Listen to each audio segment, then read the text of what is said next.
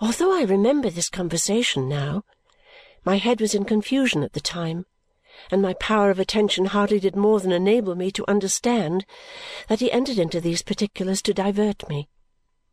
With the same kind intention, manifestly, he often spoke to me of indifferent things while his face was busy with the one object that we had in view.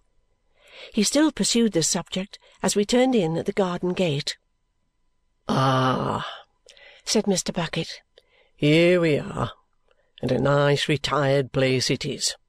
Puts a man in mind of the country house in the woodpecker tapping, that was known by the smoke which so gracefully curled. They're early with the kitchen fire, that denotes good servants. But what you've always got to be careful of with servants is who comes to see 'em. You never know what they're up to if you don't know that.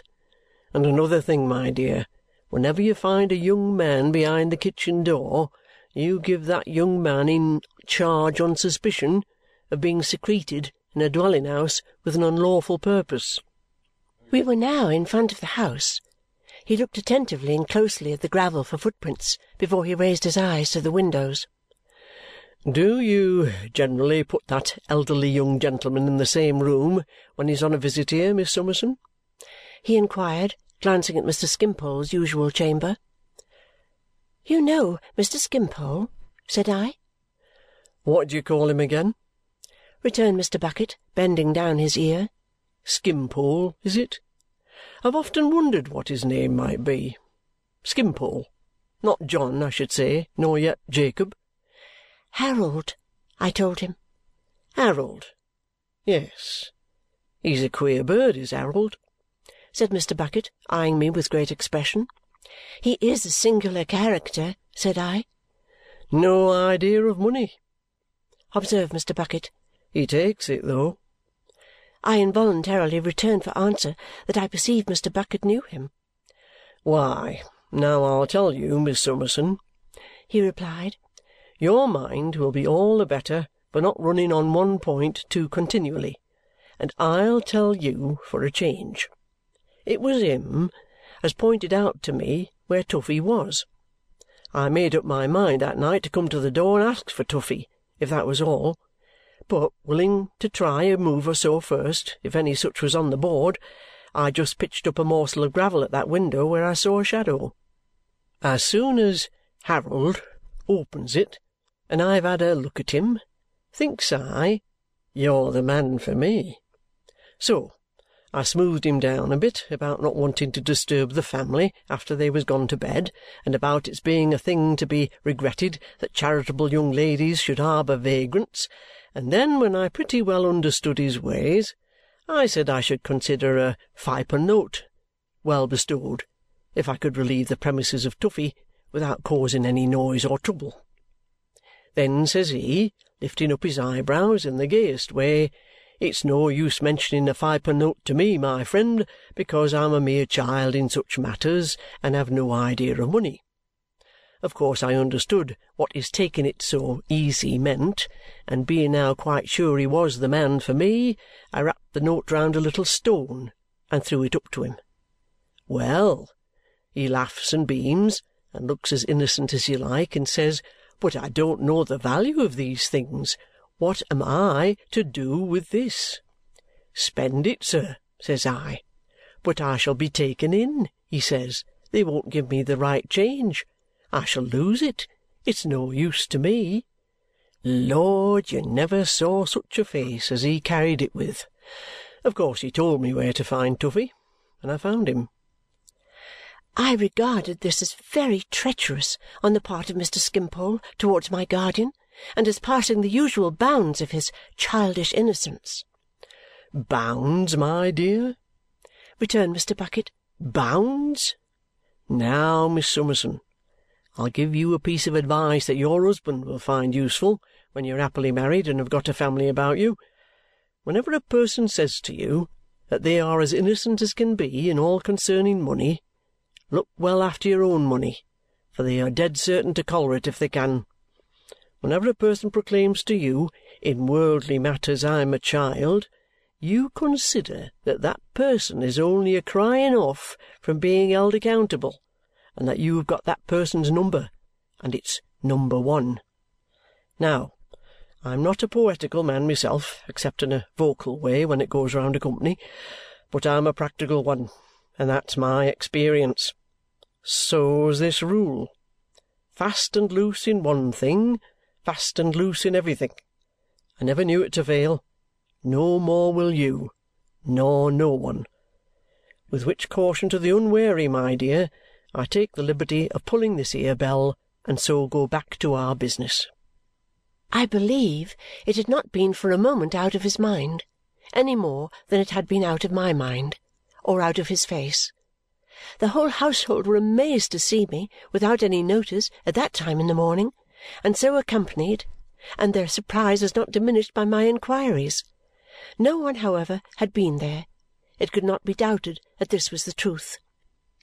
"Then, Miss Summerson," said my companion, "we can't be too soon at the cottage where those brickmakers are to be found.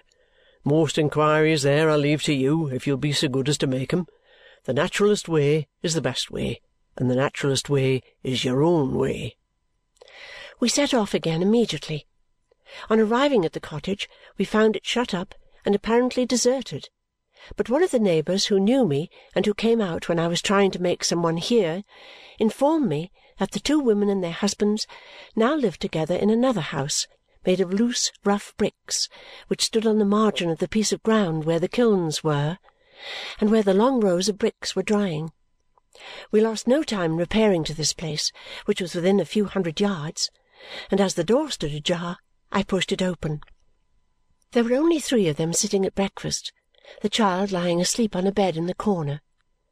It was Jenny, the mother of the dead child, who was absent. The other woman rose on seeing me, and the men, though they were, as usual, sulky and silent, each gave me a morose nod of recognition.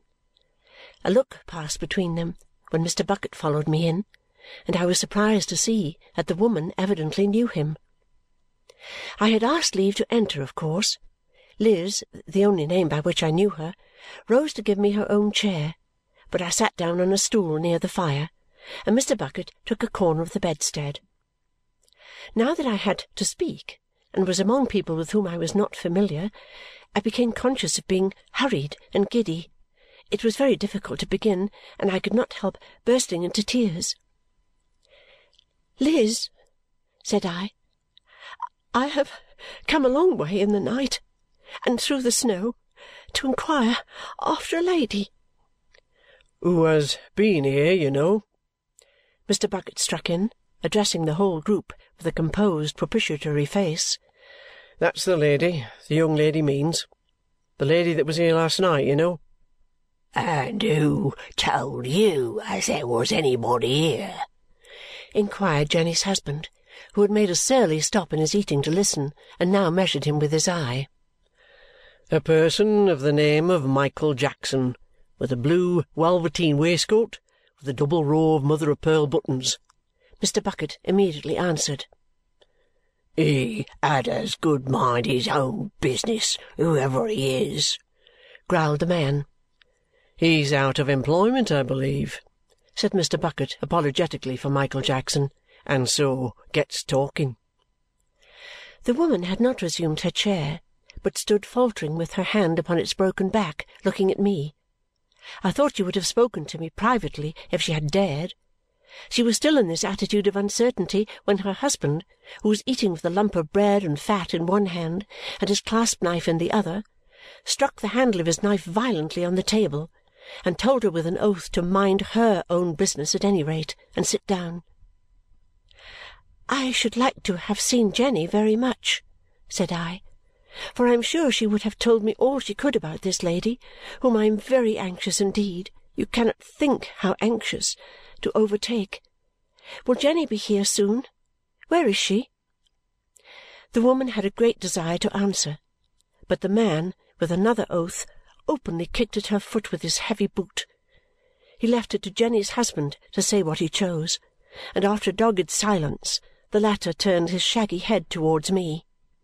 I'm not partial to gentlefolks coming in my place, as you've heerd me say afore now, I think, miss. I let their places be, and it's curious they can't let my place be. There'd be a pretty shine made if I was to go a visiting them, I think. Howsoever, I don't so much complain of you as of some others, and I'm agreeable to make you a civil answer, though I give notice that I'm not a going to be drawed like a badger. Will Jenny be here soon? No, she won't. Where is she? She's gone up to Lunnon. Did she go last night? I asked. Did she go last night? Ah, she went last night, he answered with a sulky jerk of his head. But was she here when the lady came? And what did the lady say to her? And where is the lady gone? I beg and pray you to be so kind as to tell me, said I, for I am in great distress to know. If my master would let me speak and not say a word of harm, the woman timidly began. Your master, said her husband, muttering an imprecation with slow emphasis, will break your neck if you meddle with what don't concern you. After another silence, the husband of the absent woman, turning to me again, answered me with his usual grumbling unwillingness. Was Jenny here when the lady come? Yes, she was here when the lady come. What did the lady say to her? Well, I'll tell you what the lady said to her. She said, You remember me as come one time to talk to you about the young lady as had been a visiting of you. You remember me as give you something handsome for a handkercher what she had left. Ah, she remembered. So we all did. Well then, was that young lady up at the house now? Now, she warn't up at the house now. Well then, lookee here. The lady was upon a journey, all alone, strange as we might think it, and could she rest herself where you're a settin, for a hour or so? Yes, she could, and so she did. Then she went. It might be at twenty minutes past eleven, and it might be at twenty minutes past twelve, we ain't got no watches here to know the time by, nor yet clocks. Where did she go? Ah, I don't know where she'd goed. She went one way, and Jenny went another. One went right to London, and t'other went right from it. That's all about it. Ask this man. He hid it all, and seed it all. He knows. The other man repeated, That's all about it. Was the lady crying? I inquired. Devil a bit, returned the first man. Her shoes was the worse, and her clothes was the worse, but she warn't. Not as I see.